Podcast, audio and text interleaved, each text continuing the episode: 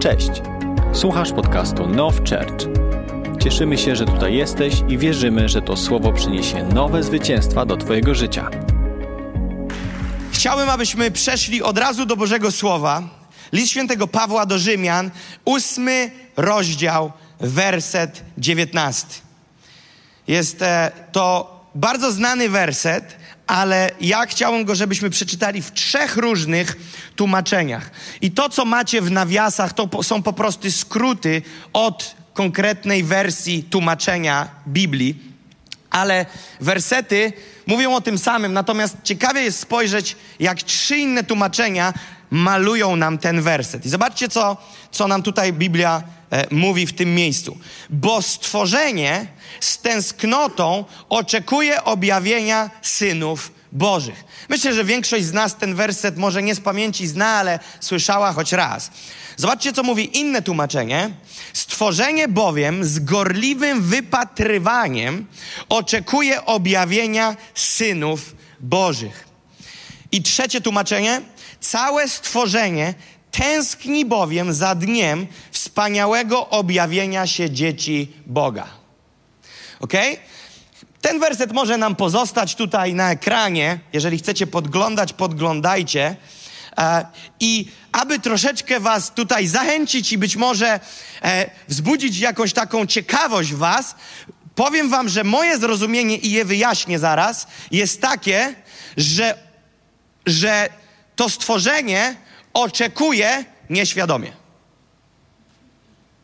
To jest coś, co ja zrozumiałem i coś, co odkryłem. To jest moje odkrycie z Panem, że całe stworzenie, które oczekuje objawienia się synów Bożych, mimo że oczekuje, z tęsknotą, z gorliwością, z wypatrywaniem, brzmi to jak intencjonalne wypatrywanie, wypatrywanie okazuje się, że nie, robią to nieświadomie. I już będę chciał to wyjaśnić, co mam na myśli. Ale zanim to wyjaśnię, chcę jeszcze raz, abyśmy skupili się na tych wersetach. Wymalowane nam jest stworzenie, które jest w potrzebie.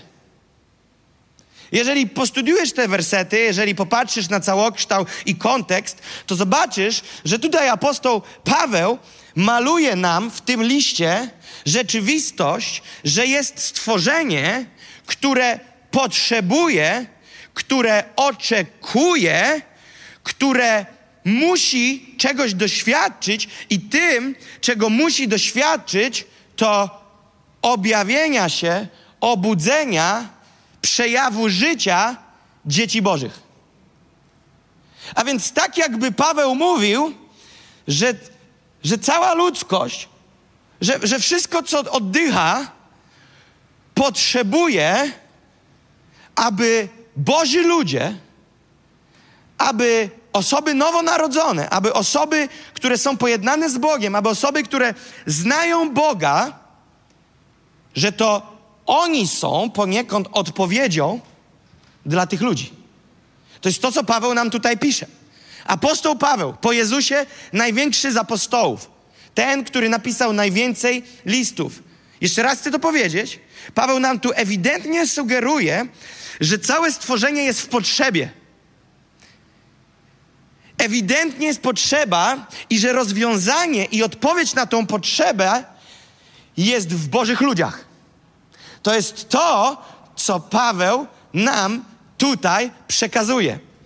I dlaczego uważam, że to stworzenie oczekuje nieświadomie? Ponieważ jeżeli to ci ludzie są w potrzebie, to pytanie, czego dzisiaj potrzebują ludzie? Czego potrzebuje dzisiaj stworzenie? Czego potrzebuje dzisiaj ludzkość? Ok? Zanim wyskoczymy z tematem Jezus, to powolutku, ok? Bo gdybyśmy powiedzieli, że oni oczekują Jezusa, to moja teza, która mówi, że oni są w miejscu oczekiwania nieświadomie, nie miałaby sensu. Oni nie wiedzą, że potrzebują Jezusa. Oni wiedzą, czego potrzebują, ale nie wiedzą, jak to znaleźć. Dzisiaj to, czego świat nie ma, to można by było długą listę wymienić, ale to, z czym dzisiaj świat ma problem, to z nadzieją. świat, oczywiście moglibyśmy dotknąć tu elementu miłości, elementu wolności, moglibyśmy dotknąć tematu radości, ale to, czego ten świat dzisiaj, złamany, upadły świat dzisiaj nie ma, nie ma nadziei. Dzisiaj, kiedy porozmawiasz z ludźmi szczerze, kiedy porozmawiasz z ludźmi otwarcie, kiedy ludzie się przed Tobą otworzą, żyją w ciągłym strachu, ponieważ nie mają nadziei. Dzisiaj okoliczności nie sprawiły, że nie mają nadziei. Okoliczności, które dzieją się przez ostatnie krótkie lata, tak naprawdę obudziły świadomość, że nie ma nadziei. Ludzie bez Boga zawsze żyli, żyją i żyć będą bez nadziei. Natomiast okoliczności, które się zaczynają sypać jak grad na głowę spacerowicza, zaczynają uświadamiać ludziom, coś jest nie tak, nie mamy nadziei, zaczynamy drżeć, pojawia się strach, nie wiemy, co będzie dalej, zaczynamy mieć przeraźliwy, przeraźliwe fobie, co będzie dalej. Ludzie dzisiaj w świecie bez Boga nie mają żadnej nadziei. I powodem, dla którego Paweł pisze, że my, Boży ludzie, mamy coś, czego nie ma ten świat, jest to, że świat, który nie ma nadziei, ma pomiędzy sobą ludzi Bożych, którzy tą nadzieję mają. Dlatego oni oczekują, aż my coś z tym zrobimy, ale oni nie wiedzą, że czekają na nas. Teraz w finale finałów nie chodzi o nas, bo to nie my jesteśmy nadzieją, ale my znamy nadzieję. Mówisz trochę dziwnie, Jakub, bo mówisz, że znamy nadzieję, jakby nadzieja była osobą. Nie robię tego przypadkowo i nie przejęzyczam się. Troszeczkę dzisiaj jest mowa o tym, jakby nadzieja była osobą. Ludzie mówią, nie ma nadziei, nie ma dla mnie nadziei. Gdybyśmy zrobili sondę na ulicy, jestem w stanie za stawkę położyć dwie ręce i dwie nogi, że 90% minimum, takie bezpieczna statystyka podaje. 90% osób nie wskazałoby, że nadzieja to osoba, nadzieja to coś. Nadzieja jest, jest utożsamiana z czymś, a nie z kimś. I dlatego ludzie nie mają nadziei, bo szukają czegoś, a nadziei nie znajdą w czymś, nadzieję znajdą w kimś. I teraz zobaczcie, co Biblia mówi dalej. List świętego Pawła do Rzymian 5:5. Piąty rozdział, werset 5. A nadzieja nie zawodzi, bo miłość Boża rozlana jest w sercach naszych przez Ducha Świętego, który nam jest dany. I tutaj jest słowo nam dany. Nam to komu? Bożym ludziom, osobom, które pojednały się z Bogiem. Boży Duch zamieszkuje w osobach tylko i wyłącznie, którzy pojednali się z Bogiem. Innymi słowy, biblijnym językiem, nowo narodzili się z ducha. Duch Święty nie zamieszkuje w tych, którzy chodzą do kościoła, ponieważ chodzenie do kościoła nie daje żadnego, żadnej siły sprawczej do tego, że Duch Święty mówi: Wow, co niedzielę przekraczasz próg kościelny, dlatego to Duch Święty zamieszka w Twoim wnętrzu. Nie. Duch Święty zamieszkuje tylko w tych, którzy się na nowo naradzają i są pojednani z Bogiem przez doskonałą ofiarę Jezusa Chrystusa. A więc kiedy, kiedy Paweł pisze, że Duch Święty, który nam jest dany, on nie próbuje powiedzieć, że my jesteśmy elitą i tam hołota na zewnątrz tego nie ma. Nie, nie, nie. On próbuje powiedzieć, że my jako Kościół, Kościołowi, nie jako instytucji, bo jest wiele miejsc, które określają się za Kościół, w których nie ma Bożego Ducha i Jezus nie ma nic do czynienia z tymi e, instytucjami. Kościół to jest zgromadzenie ludzi, która wspólnie spotyka się w imieniu Jezus i działa w oparciu o prawdy Słowa Bożego. Nie o własne ideologie, nie o doktrynę zbudowaną przez własne doświadczenie, ale w posłuszeństwie Słowu Bożemu. A więc Kościół to nie jest budynek. Jeżeli widzisz na jakimś budynku Kościół, dzwony, piękne witraże albo imię Jezus napisane na drzwiach, nie oznacza, że jesteś w Kościele. Kościół jest wtedy, kiedy ludzie spotykają się w imię Jezusa, dla Jego imienia, gdzie On jest przede wszystkim w centrum, gdzie jest wolność dla Ducha Świętego. To jest Kościół.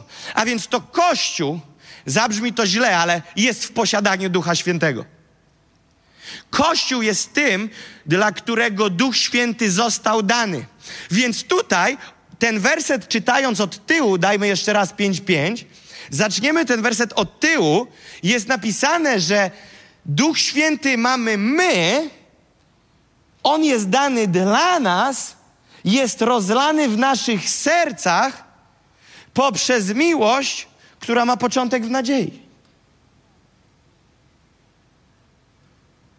A więc ta, ten Duch Święty, ta miłość, nadzieja jest tylko dla Kościoła, a więc dla ciała Jezusa Chrystusa. Nie możesz żyć bez Boga i doświadczyć tych rzeczy. Nie możesz doświadczyć osoby Ducha Świętego. Nie możesz doświadczyć miłości. Nie możesz doświadczyć w żaden sposób nadziei, ponieważ nadzieja jest w przymierzu z Bogiem, między człowiekiem a Bogiem. Miłość Boża jest w przymierzu z Bogiem. Miłość Boga poza przymierzem może cię doprowadzić do przymierza. Wiecie, dużo się dzieje, dużo by mówić. Nie chcę zrobić z tego trudnego now school. Chcę, żeby to było proste i strawne nabożeństwo. I teraz zobaczcie, więc Paweł tu mówi, to my mamy nadzieję, bo miłość Boża rozlana jest w sercach naszych. Naszych, znowu naszych. Kogo naszych? Kościoła. Ludzi, którzy są odrodzeni z Bożego Ducha. Zobaczcie, co znowu Paweł pisze w liście do Kolosan 1,27.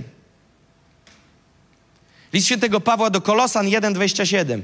Im to chciał Bóg dać poznać, jak wielkie jest między poganami bogactwo chwały tej tajemnicy, którą jest Chrystus w nas, nadzieja chwały. Dlatego nadzieja to nie coś, a ktoś.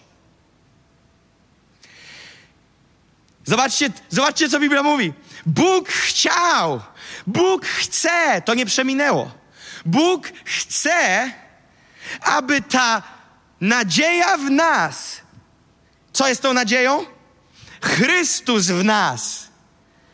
Aby ta miłość rozlana w sercach naszych, aby ona mogła zabłysnąć pomiędzy poganami, którzy oznaczają ludzi, którzy nie są pojednani z Bogiem, którzy się nowo nie narodzili. I Bóg mówi: Ja chcę, to jest moje pragnienie, aby ta chwała, aby moja nadzieja zabłysła pomiędzy tymi, którzy mnie nie znają, ale pamiętajcie, ta nadzieja jest w Was. A więc ktoś by mógł rzec, rzec, rzec to, to coś tu się nam wymalowuje jakiś wzór. Jakiś wzór, że, że ten świat,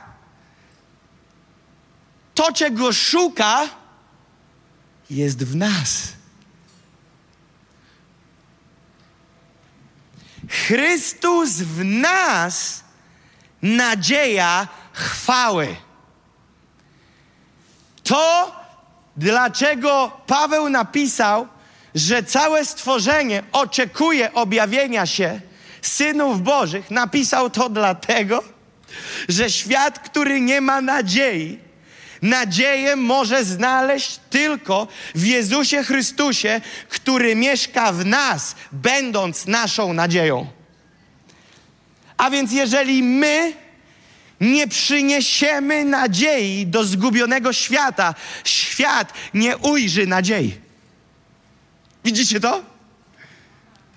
Jeżeli my nie zaniesiemy nadziei temu światu, my, to nie mam na myśli tylko tego grona tu na sali.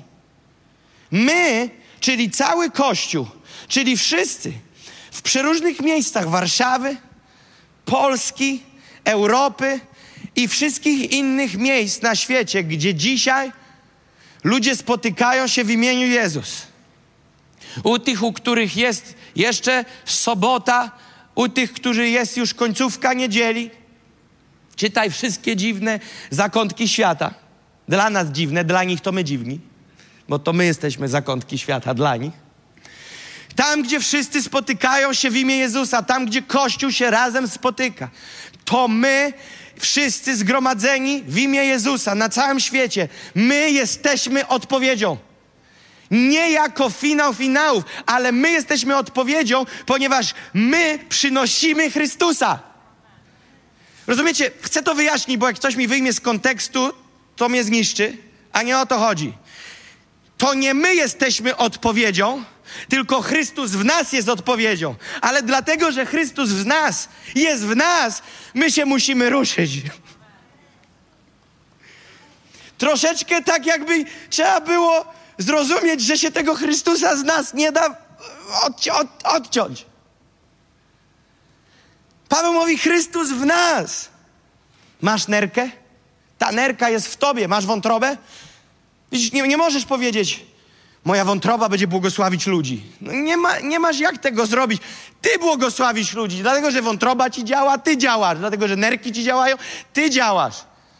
I dlatego, że Chrystus w nas działa, nadzieja chwały, ten świat zacznie działać. Ale jeżeli my nie pozwolimy, aby Chrystus w nas działał, świat nie będzie działał. A więc my mamy coś, czego świat nie ma. Mamy nadzieję. Mamy nadzieję, której świat nie ma. Wyobraź sobie, bo z tą nadzieją ktoś może powiedzieć, ale o, o, o co chodzi? Rozumiesz? Mojemu znajomemu bez Boga wszystko się układa. Mówimy troszkę dalej niż trzy najbliższe tygodnie. Mówimy o życiu. Mówimy o życiu poza życiem. Mówimy o wieczności. Mówimy o Twoim sercu. Mówimy nie o Twoich okolicznościach w pracy, tylko Twojej duszy. Mówimy o Twoim wewnętrznym zaspokojeniu. A więc chciałbym spróbować, nieudolnie to pewnie wyjdzie, ale chciałem spróbować namalować, czym jest nadzieja. Wyobraź sobie, broń Boże ty, ale ktoś jest ciężko chory, śmiertelnie chory i odwiedza klinikę za kliniką. Potrzeba dokonać bardzo skomplikowanego zabiegu. I biega ta osoba od kliniki do kliniki, wsiada w samochód, w samolot, krąży gdziekolwiek, jest gotowa zrobić wszystko, aby dostać się do miejsca, gdzie zoperują tą osobę i dokonają tego skomplikowanego zabiegu. I na tej liście było 10 adresów. I ta osoba jest po ósmym i nie ma odpowiedzi. Jedzie do miejsca 9 i wie, że jadąc do miejsca 10, jeżeli dostanie tą samą odpowiedź, co w dziewięciu wcześniejszych klinikach, jest po wszystkim. I wjeżdża do tej dziesiątej kliniki i wtedy przypomina sobie przed wejściem, że jeszcze jej znajomy mówił, że jeszcze jest takie jedenaste miejsce, ale że spróbuje zadzwonić w ostatnim momencie po tej wizycie w dziesiątej. Więc ta osoba do dziesiątej kliniki wchodzi, słyszy, że nic z tego nie będzie i jeszcze ten kawałek nadziei się tli, bo jeszcze ma zadzwonić znajomy i powiedzieć, że był w miejscu kliniki numer 11 i odbierasz ten telefon z nadzieją, to jest ta twoja ostatnia nadzieja i ta osoba mówi, byłem, pytałem, ale niestety ci nie pomogą. Wtedy nadzieja umiera. I zostaje ci ostatnie 30 dni życia. Ostatni moment. Nie masz już gdzie odwiedzić. Nie wiesz, co zrobić. Szykujesz się na koniec. Szykujesz się na koniec, bo nie ma już żadnej nadziei. Nikt już nic nie zrobi. Nie podejmujesz już walki. Jesteś skończony. I nagle dzwoni telefon. Nagle dzwoni telefon. I mówią: Zrobiło się miejsce. Jesteśmy gotowi przyjąć Cię na zabieg. Przyjeżdżaj i Cię będziemy operować. Pojawia się nadzieja. Pojawia się nadzieja. Ten świat, musimy zrozumieć, umiera i nie ma nadziei. I inny przykład to jest zatrucie, który jest jeszcze bardziej adekwatny do sytuacji tego świata. Zatruty człowiek Otruty, otruto go. Otruto człowieka. Zaplanowano spisek na życie jakiegoś człowieka. I ten człowiek został otruty i potrzebuje natychmiastowo antidotum, którego nigdzie nie ma. Lekarze próbowali, pracowali w ostatnich latach, aby zdobyć takie antidotum, które jest w stanie uratować człowieka przed śmiercią, kiedy zostanie otruty. Ale niestety nic takiego nie znaleźli. I w tym roku akurat miała być premiera. Mieli coś znaleźć. Ale patrzyłem wiadomości i nic nie było. I zostały mi te ostatnie dni życia. I dowiaduję się, że lekarze opatentowali antidotum i są w jego posiadaniu. I jestem gotowy, pierwszy na liście, aby pójść i otrzymać to antidotum, który zatrzyma zarazę, zatrucia śmierci i przyniesie życie w miejsce upadku. Dokładnie tak jest w tym świecie. Chory, upadający, umierający, zepsuty świat się kończy. Nie ma dla niego żadnego promyka nadziei w samym sobie. Próbujemy, świat próbuje i widzimy z roku na rok, z dekady na dekadę, jak coraz bardziej nieudolnie nie idzie próba przynoszenia szczęścia do ludzkości. Ponieważ statystyki z roku na rok potwierdzają, wyciągnij jakiekolwiek, kogokolwiek statystyki chcesz, to są wciąż z roku na rok rosnące statystyki rozwodów, samobójstw i depresji. Z roku na rok. Widzicie, jeszcze dwa lata temu mówiłem, że co drugie małżeństwo statystycznie się rozwodzi. Więc jeżeli jesteś w Polsce i bierzesz ślub, no to troszeczkę jak w kasynie, ruletka, czarna, czerwona. Może się uda, może nie. Ale to już jest nieaktualne, bo w tej chwili już dwie trzecie się rozpadają. Fajnie było dwa lata temu. Dzisiaj już jest dwa, dwie trzecie padają. Więc jak są trzy kolejki, trzech małżeństw do Urzędu Stanu Cywilnego, to powinni ze sobą porozmawiać i powiedzieć, ciekawe, komu się uda. Ale mamy coraz więcej możliwości, ten świat coraz więcej ma do zaoferowania, ten świat coraz więcej mówi, że jest opcji rozwiązań, coraz więcej ideologii mówiących o wolności, które coraz więcej tej wolności zabierają. Coraz więcej przekonań i racji o wolności, która ma w sobie zaprzeczenie prawom Bożym. Posłuchajcie jeszcze raz. Świat dzisiaj w imię wolności, przynosząc kolejne ideologie wolności, mam nadzieję, że nadążacie, z każdą nową ideologią wolności, pomysłem na wolność, pomysłem na akceptację, z każdym kolejnym się pogrąża, ponieważ każdy nowy pomysł wolności tego świata jest sprzeczny z zasadami, które ustanowił Bóg. A więc im bardziej odchodzimy od zasad Bożych, im bardziej odwracamy się w nieposłuszeństwie, w rebelii, grzesząc, tym bardziej konsekwencje nam spadają na nasze głowy. Więc co się dzieje? Świat dzisiaj mówi więcej o wolności, ale więcej ma depresji.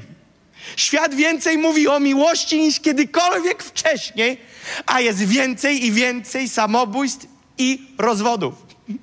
Czy to nie jest hipokryzja? Ten świat nigdy nie był tak tolerancyjny jak dziś i nigdy nie był tak popaprany jak dziś. Dlaczego? Bo zgubiliśmy Boga. Ten świat jest napędzany systemem antychrysta. Taka jest prawda. I koniec się zbliża, patrząc na to, ile wolności jest. I prawda jest taka, że my musimy zrozumieć, że ten świat ma jedyną opcję, o której nawet nie wie, bo rodzi się w rodzinie ateistycznej, w której mówią, że wiara w Boga to wiara w smoka spaghetti i inne dziwne głupoty. W Polsce dzisiaj gdziekolwiek niech, jakakolwiek gazeta, niechrześcijańska, niech napisze artykuł o ludziach bożych lub o kościele. Nieważne, czy w negatywnych kolorach, czy w pozytywnych. Wiecie, co będziecie mieli pod spodem? Że ci, którzy w ogóle gu, wierzą w Kościół, wierzą w Boga, są skończonymi idiotami. Nieważne, czy pokażesz ludziom dokumenty uzdrowienia, nieważne. Oni są tak zaprogramowani, że dzisiaj ludzie, jak ty im mówisz o Bogu, to oni mówią, co ty do mnie mówisz. Ponieważ są wychowani w systemie, w którym Boga coraz bardziej wypieramy. Społeczeństwo coraz bardziej mówi: Bóg nam nie jest potrzebny. Ty jesteś Bogiem. Ty jesteś Panem swojego losu. Dzisiaj na Facebooku jest modnym wpisywać kapitan swojego statku. Zawód kapitan swojego statku. Praca szef swojego życia. Specjalizacja sam dla siebie jestem panem.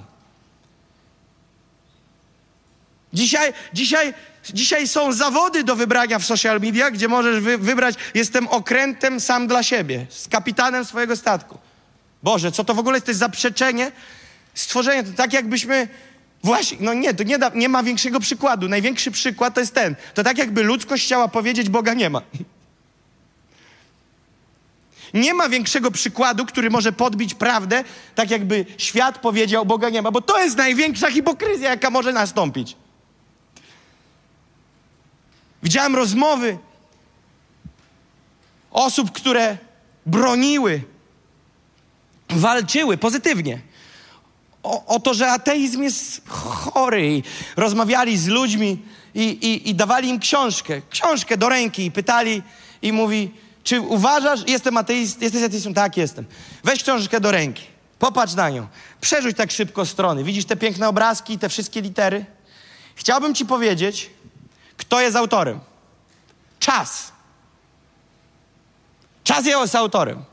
Ponieważ zbiór liter i kolorów przez miliony lat wspólnie układał się w czasie i tak oto powstała ta książka. Czy mogła ta książka powstać przez czas? Czy te litery mogły ułożyć się w zdania poprzez jednostkę czasu? Miliony lat. No nie. A co byś powiedział o człowieku? Powiem wam, że jest niesamowite, bo on ich tak prowadził, że oni nie łapali, że przeczą sobie.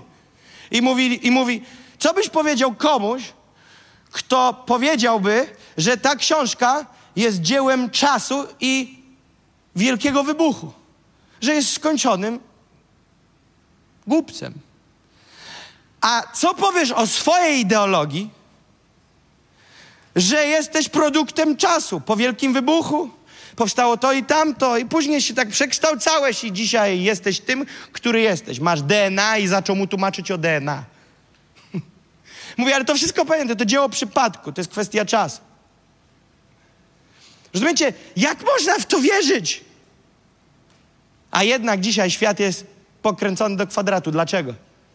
Bo zgubił autora życia, bo zgubił najważniejszego Jezusa, nadzieję w nas. I my musimy zrozumieć, że my nie mamy niczego do zazdroszczenia dla tego świata. Jeżeli ktoś z nas zazdrości czegoś tym ludziom w tym świecie, to ci powiem, to lepiej się rozbiegnij i uderz w krawężnik. Może się obudzisz. Ten świat nie ma niczego, co ja bym od nich chciał. Wiesz dlaczego? Bo oni nic nie mają. Oni zupełnie nic nie mają. A więc ja i ty znamy, kogo inni nie znają i nie mają pojęcia, że go potrzebują. Dlatego czekają, aż ty i ja się objawisz. Ewangelia świętego Mateusza 24:14 mówi tak: I będzie głoszona ta Ewangelia o królestwie po całej ziemi na świadectwo wszystkim narodom, i wtedy nadejdzie koniec. Co to mi mówi? Mówi mi to to wyraźnie, że zamysłem Boga jest, aby ta Ewangelia była wszędzie. Jak ta Ewangelia ma dotrzeć wszędzie? Zrobimy zbiórkę i Jakub pojedzie wszędzie?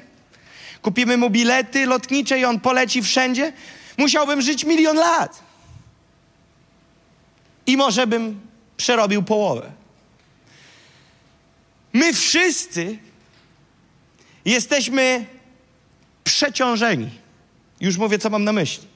Byliście kiedyś w pracy, kiedy powiedzieli ci, że będziesz pracować na, na pełen etat, a robisz na dwa? Nie pytam Nations on Fire, bo umawialiśmy się tak od początku. Pytam tych, którzy z was pracujecie poza Nations on Fire. Że mówili ci, że robisz na jeden, wytłumaczyli ci, jak będzie, ale to nigdy się z rzeczywistością nie pokrywa. Jesteś przeciążony. Dlaczego? Bo za mało zatrudnili ludzi i na tobie jest więcej obowiązków niż być powinno, bo jest za mało rąk do pracy. I tak samo jest w Królestwie Bożym względem tego świata. Jest tak wielu, którzy są potrzebą i w potrzebie, że my mamy więcej do zrobienia niż zrobić byśmy mogli. A więc jeżeli jesteś, ja i ty jesteśmy osobami biernymi w niesieniu nadziei temu światu, to jeszcze bardziej utrudniamy to zadanie tym, którzy to robią. My wszyscy musimy zrozumieć, że jeżeli my nie damy tego, co mamy, ludzie poumierają, ludzie będą ginąć, ludzie będą się zażynać, ludzie będą dokonywać samobójstwa, ludzie będą kończyć tragicznie. My wszyscy mamy coś, czego oni nie mają. Mamy Jezusa. Dlatego jest wyraźnie powiedziane i będzie głoszona ta Ewangelia. To nie brzmi jak propozycja. To nie brzmi jakby Jezus mówił: Mam dla Was propozycję. Jeżeli ktoś by chciał i mógł i czuje w tym pokój, nie czuje się przymuszony, ma możliwość i dużo wolnego czasu, to fajnie byłoby, gdybyś wybierał pomiędzy hobby też głoszenie Ewangelii. Nie, jest tu napisane i będzie głoszona ta Ewangelia. I ktoś powie, Amen, niech będzie głoszona. Nie, jak mówisz Amen, to znaczy, że będziesz głosić. Bo łatwo jest powiedzieć, Amen, będzie głoszona. No właśnie, jak tak, to głoś. Mów tą Ewangelię o tym, że jest ktoś, kto może zmienić jego, jej życie. E głoszenie Ewangelii to nie jest potrzeba posiadania zdolności mówcy publicznego. Aby głosić Ewangelię, nie musisz umieć radzić sobie z tłumem, mikrofonem, światłami, głośnikami i wszystkim innym. Nie! Do głoszenia Ewangelii potrzebujesz bardzo prostej rzeczy posłuszeństwa. Powiedzieć o tym, który zamieszkał w tobie, o tym, który przyniósł ci nadzieję i powiedzieć o nim dla innych, którzy jeszcze tej nadziei nie mają. Duch Święty zrobi resztę. O Boże, tak łatwo? Właśnie być może dlatego, że my planujemy ich zmienić. My planujemy im na pierwszym spotkaniu wytłumaczyć, kto napisał pierwszą Mojżeszową. Rozumiecie? Mojżesz pisze o tym, co w Edenie. Nie musisz tego tłumaczyć, zostaw to. Po co chcesz się za to zabierać? A ludzie mówią, a ja mam pytanie, a co z tym papieżem, który tam w XVI wieku... Słuchaj, ja nie wiem, co było w XVI wieku, ja nawet nie wiem, co było w 1992, bo ja się urodziłem w 93. Gadajmy od 93 w przód, ok? Od maja. Nie pytaj mnie o XVI wiek. Nie pytaj mnie o inkwizycję. Pogadajmy o zbawieniu z łaski z Biblii. Pogadajmy o prawdzie, która tyczy się Ciebie, a nie o przykrych wydarzeniach, które miały miejsce. Co z tego, że obgadamy dzisiaj to, co się wydarzyło? Pogadajmy o tym, co się może wydarzyć, gagatko, jak poznasz nadzieję chwały Jezusa Chrystusa. Ale wiesz, nie wiem i nie chcę wiedzieć, ale ty możesz o czymś się dowiedzieć. Chrystus w nas, nadzieja chwały. I będzie głoszona ta Ewangelia o Królestwie po całej ziemi. Wiesz, co to znaczy? Całej ziemi? Oznacza, że jeżeli idziesz na jakiejś niebezpiecznej ulicy, na dzielnicy Praga, która jeszcze trochę będzie się kształtować z tej niebezpiecznej na bezpieczną, i idziesz po jakimś zakamarku i losowo skoczysz, o, kawałek ziemi, to na tym kawałku ziemi jesteś odpowiedzialny za ludzi, którzy chodzą po tym kawałku ziemi, bo tam ma dotrzeć Ewangelia. Wszyscy, innymi słowy, każdy człowiek ma mieć sposobność usłyszeć tą Ewangelię. Od kogo? Nie mów od nas, powiedz ode mnie. Bo od nas to brzmi, wiesz, można dziesięciu wynosić śmieci i nigdy ich nie wynosić, ale chodzić między ludźmi. Wynosimy, wiesz, tu weź karton, tu tego, nie, te, he. tu pomóc, nie, dobra, wiem. Wynieśliśmy razem śmieci. A ile worków wyniosłeś? Żadnych, ale chodziliśmy razem. Nie, nie, więc nie mów, my, powiedz, ja zaniosę światło Ewangelii. O, będzie ciężko, ale spróbujemy, przełamiemy te blokady, ok? Powiedzmy razem, ja zaniosę światło Ewangelii do zgubionego świata. Już najtrudniejsze zrobiłeś. Powiedziałeś sobie, że to zrobisz. Teraz już tylko to zrobić. A więc jaki jest zamysł Boga? Aby Ewangelia była głoszona wszędzie. Przez kogo? Przez tych, którzy ją znają. I jestem na końcu. Ewangelia to jest od greckiego słowa euagelion. E-U-A-G-G-E l i ony. I to słowo greckie oznacza dobra nowina. A więc kiedy mówimy, czy głosisz Ewangelię, to nie musisz mówić do człowieka, przyszedłem głosić ci Ewangelię. Po co używasz tego żargonu biblijnego? Po co to? Bezbożni, słuchajcie, Ewangelia musi być głoszona. Następny wariat. Tak ludzie cię odbiorą. Ewangelia, kiedy ja rozmawiam czasami z prawnikami, a muszę, bo różne rzeczy się dzieją. I oni mi czasami tam mówią, ja daję mu do zrozumienia moim wzrokiem, żeby przestał mówić po hebrajsku i żeby powiedział mi po polsku, co oznacza to, co przed chwilą powiedział. Ja cieszę się, że znasz te paragrafy, cyferki, to wszystko, te pra... Powiedz mi, co to znaczy? I czasami jesteśmy tak bardzo przesiąknięci tym naszym wewnętrznym życiem Kościoła, że nie umiemy się w ogóle porozumieć z tymi ludźmi. Mówimy, powiem Ci Ewangelię o nadziei i chwały. A po polsku można? Chciałbym Cię posłuchać. Jestem gotowy posłuchać. Nie mam nic do roboty, ale nie wiem nawet na co mam się otworzyć. Ewangelię o nadziei i chwały. No co, Ty nie wiesz? Nie! Pójdźmy poziom dalej. Ewangelia to dobra nowina. Widzisz, i kiedy jesteś na przykład pracownikiem, a ja jestem twoim przełożonym i zaproszę cię, i ja wiem, ty jeszcze nie wiesz, że ja ci powiem o tym, że masz podwyżkę, ok? Czy to, jest, czy to brzmi jak Ewangelia? Jak dobra nowina. Od słowa greckiego eugelion przez 2G. Czy ja jestem zobowiązany i czy ty tego bardzo oczekujesz, że słowa, zanim powiem, masz podwyżkę, dopowiem ci czas na dobrą nowinę? Nie, po prostu powiem ci dobrą nowinę, masz podwyżkę. I my tak bardzo jesteśmy przysiągnięci tym sloganem chrześcijańskim, tym językiem, że utrudniamy ludziom zrozumienie tej prostej, dobrej nowiny. Nie chodzi o to, żeby powiedzieć ludziom Ewangelię. O, co mówisz? Chodzi o to, żeby powiedzieć o tym, o kim jest Ewangelia. Widzicie, jak zabrnęliśmy w takie zamurowane systemy myślenia? Stanę teraz w miejscu publicznym i będę krzyczał: Ewangelia jest krzyczana na ulicach Warszawy. Ja nawet nie wiem, co krzyczysz. Bo Ewangelia jest o kimś. Ewangelia jest przesłaniem o czym? Jednym zdaniem. O tym, że Jezus poprzez swoją śmierć na krzyżu odpuścił ci grzechy, zostały one zmazane i ty, jeżeli się do Niego zwracasz w uniżonym sercu i pokutujesz, to On przywraca cię, mówię naszym językiem teraz, do synostwa z Bogiem Ojcem. Nasze połączenie z Bogiem było zerwane, ale poprzez to, co zrobił Jezus, zostało przywrócone. Teraz Bóg nie jest tylko Bogiem gdzieś tam, ale moim Ojcem. A więc ja mogę wrócić do Boga jako do taty. Jak? Przez to, co zrobił Jezus. A jak się nazywa ta historia, co zrobił Jezus? Ewangelia. Widzicie?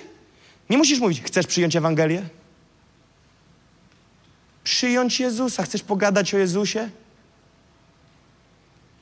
A więc oznacza odpuszczenie grzechów i pojednanie się z Bogiem. I ta jest bardzo dobra nowina, no bo ktoś powie, ale gdzie jest ta dobra nowina? Umarł, zmartwychwstał, bili, cierpiał.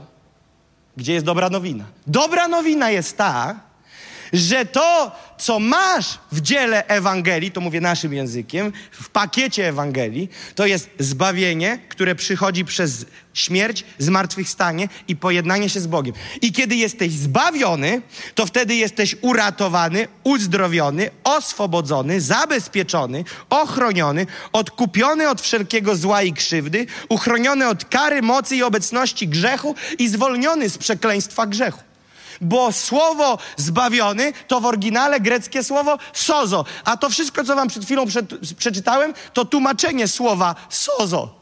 Więc to jest stary dobry news. W Jezusie możesz być uzdrowiony, możesz być uwolniony, możesz być wyrwany z grzechu. Przyjdź do Jezusa, bo bez Jezusa umrzesz.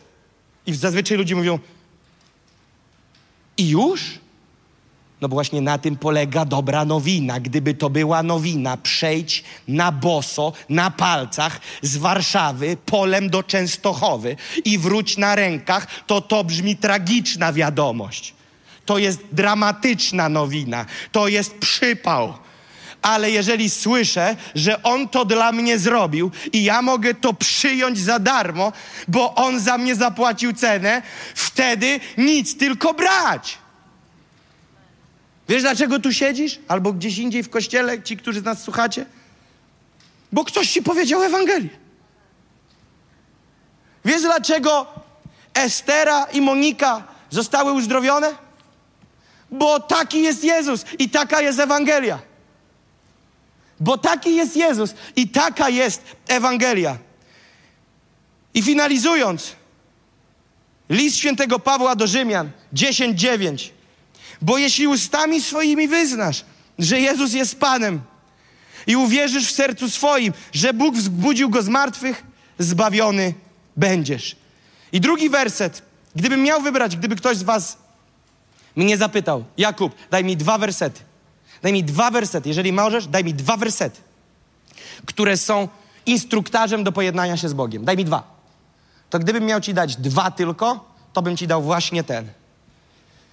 Rzymian 10:9, to co przed chwilą przeczytałem, bo jeśli ustami swoimi wyznasz, że Jezus jest Panem i uwierzysz w sercu swoim, że Bóg wzbudził go z martwych, zbawiony będziesz. I drugi werset, jaki bym dał, to Marka 16:16. 16. Zobaczcie, co jest napisane. Kto uwierzy i ochrzczony zostanie, będzie zbawiony, a kto nie uwierzy, będzie potępiony. I oczywiście, że Piotr pisze w dziejach e, w drugim rozdziale chyba 38 wersecie, 28 lub 38 pisze o tym, że odwróćcie się od swoich złych dróg, upamiętajcie się i dajcie się ochrzcić. Pokazuje to, że nie chodzi o sam chrzest, ale o postawę serca, pokutę. Ale gdyby miał w dwóch wersetach to powiedzieć, to właśnie w tych. A więc zobaczcie, mówisz o tym, że Jezus oddał za ciebie życie. Słuchaj, stary, nie musi być tragedia. Możesz przyjść do Jezusa. Zmienił On moje życie i może zmienić i Twoje. Nie zmienił mojego życia, bo na to zasługiwałem, bo ludzie często mówią: Nie, nie, ja nie zasługuję. Witaj w klubie, dzień dobry, ja jestem pierwszy. Jak była wieczerza, ja mówię: Boże, jakim cudem ja jestem pastorem?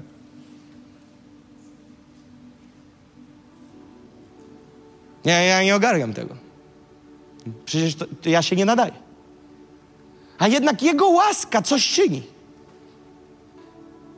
I my wszyscy na to nie zasłużyliśmy. I ten świat nauczony wartościami tego świata. Jakimi? Nie ma nic za darmo. Nie ma nic za darmo. Wiecie, że oglądałem wywiad, gdzie gdzie były. Przepraszam, że akurat tak wyjdzie, ale wyszło, że w tym wywiadzie był prowadzący i kobiety. Jeden prowadzący mężczyzna i kobiety. I, ta, I ten wywiad był pod kątem tego, że dzisiaj są te takie związki, wiecie, na zasadzie będę z tobą, bo będzie komfort. I zadała, zadał prowadzący pytanie tej kobiecie. Tysiące wyświetleń ten film. I zadał pytanie, a wierność w związku, ale żadnego bogactwa? Czy od czasu do czasu cię zdradza, ale masz miliony? Każda wybrała tą drugą opcję. I wtedy prowadzący mówi, ale czy nie uważasz, że to trochę dziwne? A one mówią takie zdziwione, że on jest zdziwiony. Mówi, ale to chyba jest w pakiecie, prawda? I zgadnij, kto ogląda te filmy później. Małe dziewczynki, mali chłopcy. I są kształtowani na wzór ideologię tego popapranego świata. Bo w tym świecie nie ma nic za darmo. Nie ma nic. Ludzi, rozmawiasz z ludźmi, a ludzie myślą, że rozgrywa się jakaś polityka. Co on ode mnie chce, co ona ode mnie chce. Ciężko czasami człowieka przekonać, że po prostu rozmawiamy.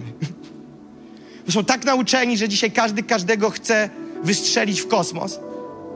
I później przychodzą ludzie do kościoła i mówisz im o dobrym Bogu, ale on nic w ich życiu nie może zrobić, bo oni są zabunkrowani, zamknięci, bo obawiają się, że ten kościół coś ode mnie chce, obawiają się, że ten Kamiński coś ode mnie chce, obawiają się, że może w ogóle ten Bóg coś ode mnie chce. Tak, on dużo od ciebie chce.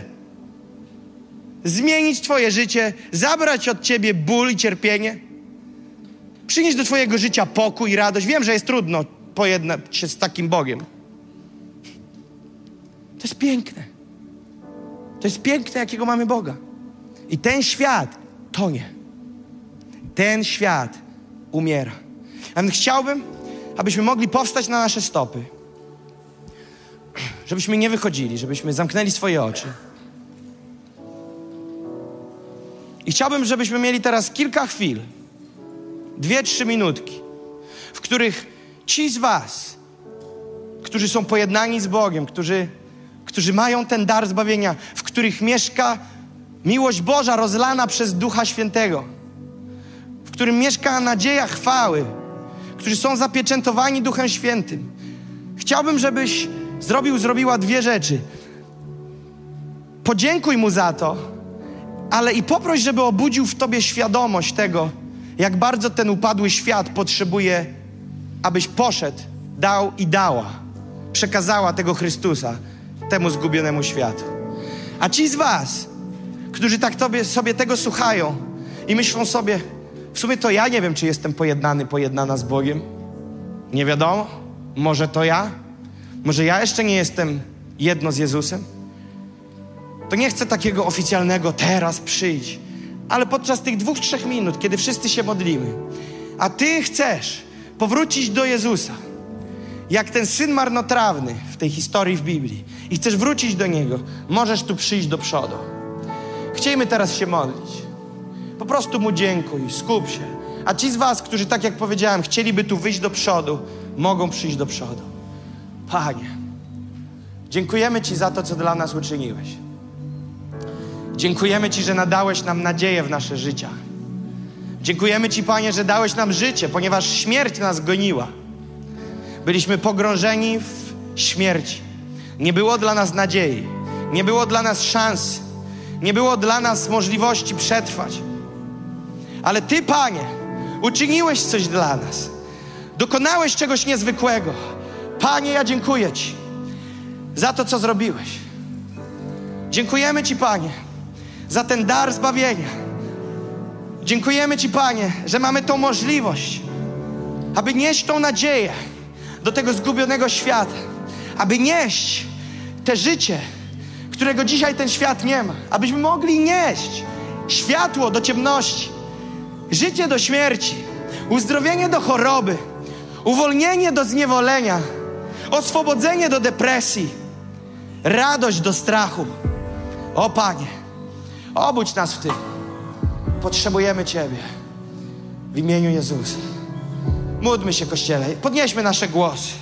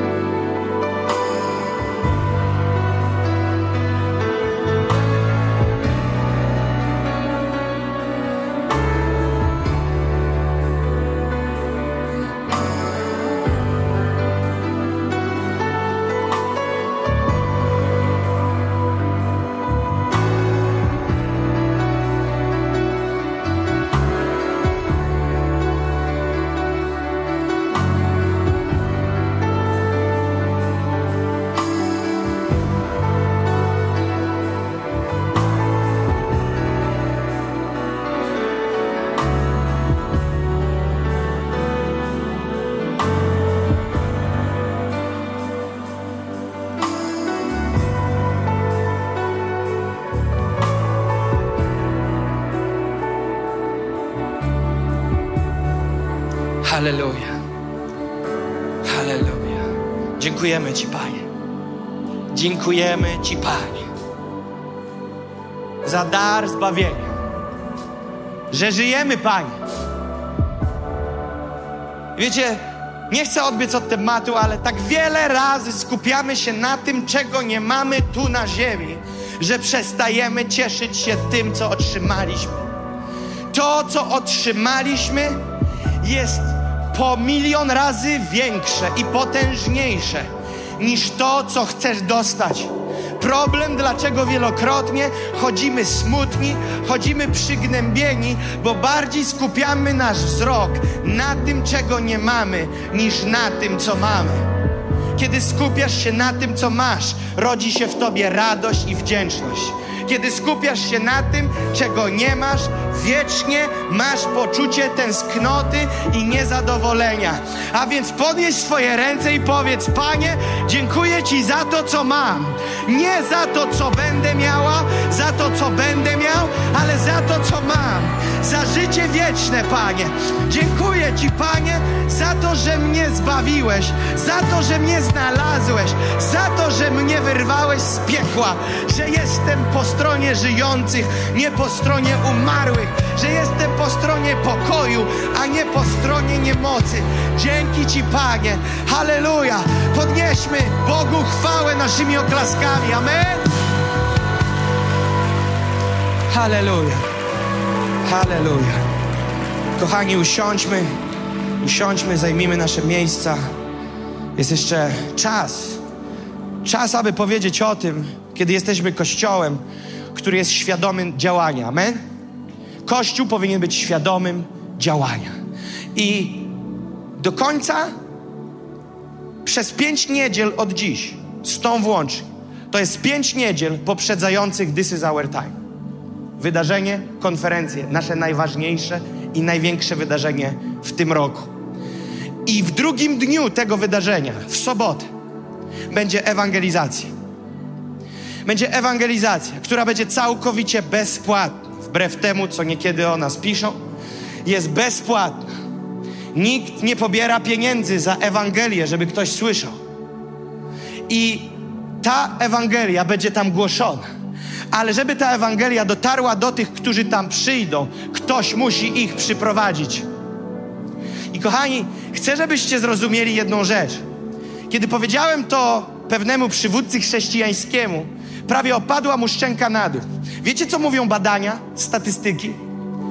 Że na 100% osób, które są z Bogiem, żyją z Bogiem w kościele, jeżeli możemy jeszcze troszeczkę ciszej zrobić na chwilę, osoby, które są w kościele, spo, spośród tych 100%, 98% osób, takie są badania, 98% tych osób jest w kościele dlatego, że ktoś ich przyprowadził. Tylko 2% jest z tak zwanego przypadku. Ulotki, ogłoszenia w radiu, baneru, reklamy w internecie. 2%. 98% oznaczałoby to, że 98% ludzi w Królestwie Bożym jest tam ze względu na relacje, a nie na anonimowa ulotka. Do czego zmierzam? Ta ewangelizacja będzie miała sens tylko i wyłącznie, jeżeli my przyprowadzimy swoich znajomych. Jeżeli nie przyprowadzimy na nią swoich znajomych, to będzie największa klapa, jaką moglibyśmy zrobić. Każdy z nas ma pięć tygodni, ponad.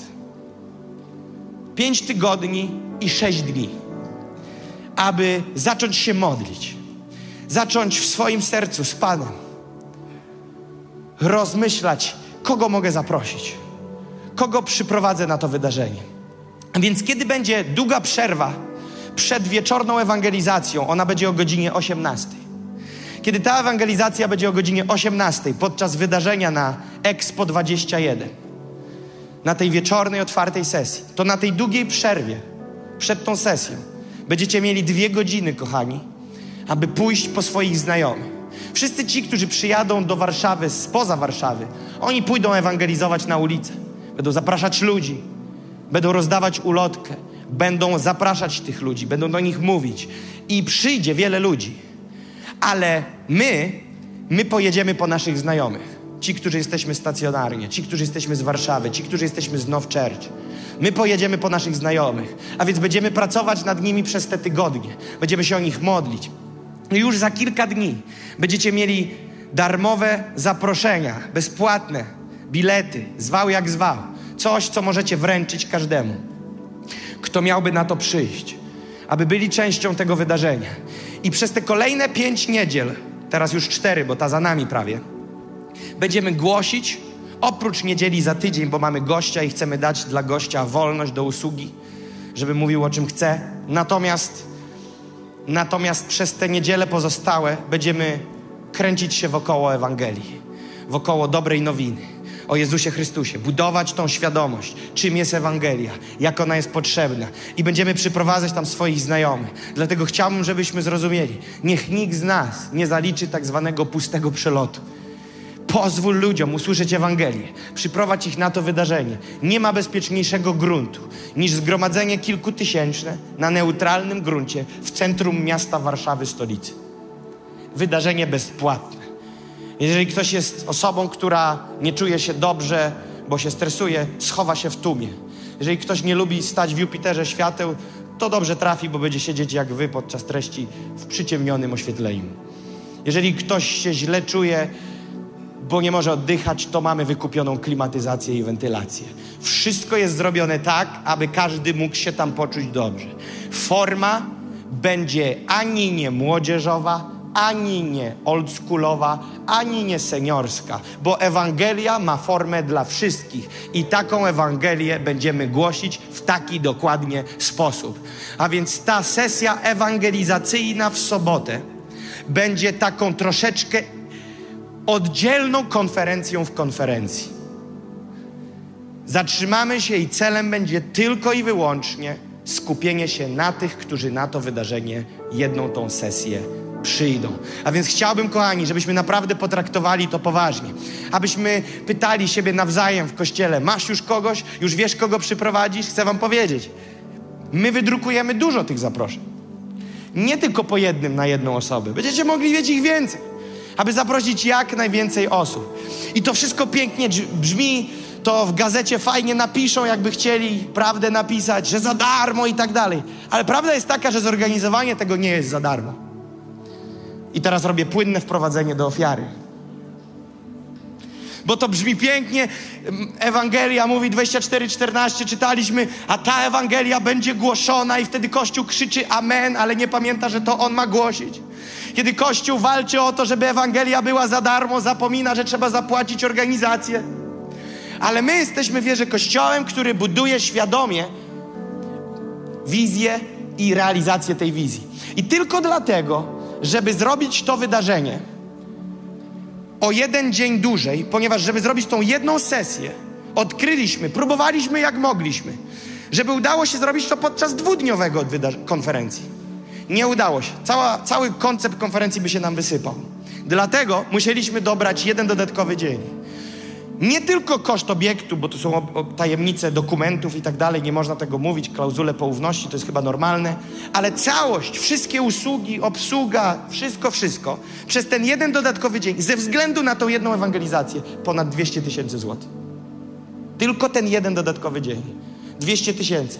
Więc ci, którzy mówią, halleluja, Ewangelia będzie głoszona za darmo, dokładnie tak, ale 200 koła trzeba wywalić. Za ten jeden dodatkowy dzień.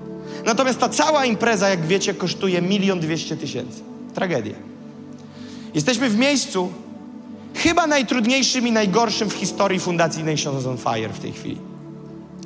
I zapisałem sobie zdanie, żeby nie zapomnieć tego, ponieważ zmagałem się z tym, czy to powiedzieć przed kościołem. Bardzo. Już od kilku tygodni, bo ja nie mówię wam czegoś, co wyszło wczoraj. Ale moja żona, patrząc na mnie, jak ja wyglądam, Powiedziała, dlaczego ty nie powiesz tego Kościołowi? Dlaczego ty sam chcesz to ciągnąć? Dlaczego sam chcesz się o to modlić? Dlaczego nie zaangażujesz całego Kościoła? Powiedz, niech Kościół będzie świadomy. Czy Kościół jest w ogóle świadomy? Tak zacząłem sobie myśleć, jaka jest nasza sytuacja finansowa? Pomyślałem sobie, może nie. A sytuacja jest bardzo tragiczna. Ale z takiej Bóg nas wyciągnął. I chcę wam powiedzieć, że dzisiaj, na ten moment, Kończy się nam miesiąc sierpień, co wymaga tego, aby zapłacić za opłaty aktualne tego miesiąca. I dzisiaj na ten moment, teraz, nie mamy na opłaty bieżące. Nie mówię o konferencji, mówię o opłatach bieżących. Dzisiaj, teraz, tu. żeby zamknąć ten miesiąc wynajmu i tak dalej. Nie mamy, ale jeszcze zostały trzy dni.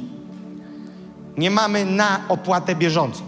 A oprócz tego, a wiecie, że to kosztuje dużo, oprócz tego 30 sierpnia, 7 września i 15 września są trzy przelewy, które trzeba puścić jako zaliczki kolejne już na właśnie inicjatywę konferencji, którą mamy za około 6 tygodni. Kwoty to 30 sierpnia 44 tysiące. Zakrąglam do tysięcy. 7 września 77 tysięcy. 15 września 75 tysięcy. Suma 195 tysięcy. Oprócz opłat aktualnych dziś. Plus kilkaset tysięcy po 15 września. Ale nie idę już ponad 15 września. Zajmijmy się tematem do 15 września. Kochani, nigdy tego nie robiłem. Jeżeli kiedykolwiek się tak ktoś poczuł, to nieświadomie. Dzisiaj chcę powiedzieć, to robiłem, ale nie robiłem tego, co niektórzy być może kiedykolwiek poczuli jakąś presję. Nigdy nie wywierałem presji, nie chcę wywierać i nie wywieram dziś. To, co chcę zrobić, obudzić naszą świadomość, jaka jest sytuacja. Jeżeli ktoś czuje się chętny do hojnego siania, to chcę Ci powiedzieć, to jest dobra chwila. Te najbliższe pięć tygodni to są fajne momenty, żeby uwolnić ponadnaturalnie hojność w swoim sercu i siać na tą sprawę. A więc perspektywa tylko dwóch i pół tygodnia to jest to 195 943 zł plus zamknięcie tego miesiąca na Global Expo. Po 15 dalej maszyna jedzie. A więc to jest gdzieś tam nasz ten cel i wierzę, że możemy razem to dźwignąć. Jeszcze raz chcę podkreślić, nikt do nikogo niczego nie przymusza, nie napiera, nie dociska, ale chcę, żeby była obudzona w nas świadomość, w jakiej sytuacji jako Kościół dzisiaj jesteśmy. I oczywiście wiecie to, że za działaniami Fundacji Nations of Fire stoją setki ludzi w Polsce, którzy w ten projekt wierzą, przesyłają swoje finanse. I w to też wierzymy, że będzie dalej się to działo. Nie panikujemy, chcę, żebyście to wiedzieli, ale patrząc na cyferki, to jest najgorszy moment w tej chwili, jaki był przez ostatnie 8 lat. I jeżeli mamy w sercu hojność, to wierzę, że jest to odpowiedni moment. I przez te kolejne cztery niedziele, ta dzisiaj piąta, wierzę, że mamy takich pięć szotów, pięć niedziel hojnego siania. Ci z Was, którzy mają takie pytania, a wiem, że były takie pytania, a czy można też to robić w tygodniu przelewem, czy musimy tylko tu w czasie ofiary? Nie ma różnicy, czy to będzie w niedzielę, czy to będzie w tygodniu, jakkolwiek. Te finanse, jak tylko trafią do nas na konto, od razu wypłyną i popłyną na tą sprawę. Więc kochani, chciałbym, abyśmy mogli te pięć tygodni zmobilizować się w modlitwie, ok? Żebyśmy ten ciężar nieśli w modlitwie, ale i abyśmy nieśli ten ciężar też odpowiedzialnie finansowo. Zaznaczam jeszcze raz, nikt nikomu na ręce nie patrzy, nikt nie sprawdza, a ty dałeś, nie dałeś. Ci z was, którzy tu są, wiedzą, że nigdy taka sytuacja nie miała miejsca. I jeżeli nie zwariujemy, to nie będzie miała.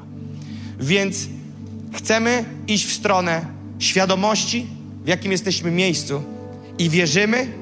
Zapisałem sobie notatkę, która mi wyskoczy po This is our time. Wiecie, jaką sobie zapisałem? Po This is our time żeby nagrać filmik o tym, że zrobiliśmy to i że jako Polacy jesteśmy w stanie dźwignąć chrześcijański event za bańkę 200. Dziś już sobie tą notatkę mam zapisaną przez wiarę, że taki film będzie nagrany. Ale zanim go nagramy, trzeba trochę rzeczy zrobić.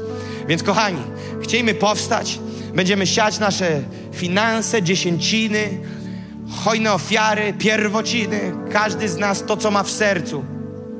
Jest taki werset w Łukasza 6:38. Dawajcie, a będzie wam dane.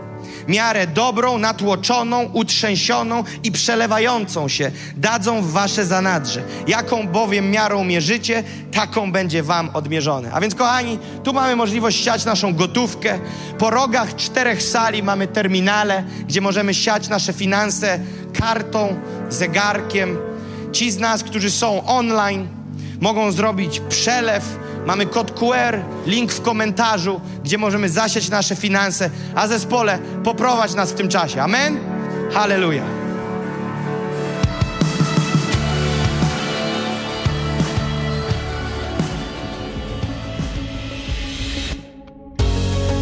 Dziękujemy, że byłeś z nami. Jeśli chcesz dowiedzieć się więcej o naszych działaniach lub nas wesprzeć, zapraszamy Cię na www.nationsonfire.org ukośnik nowchurch.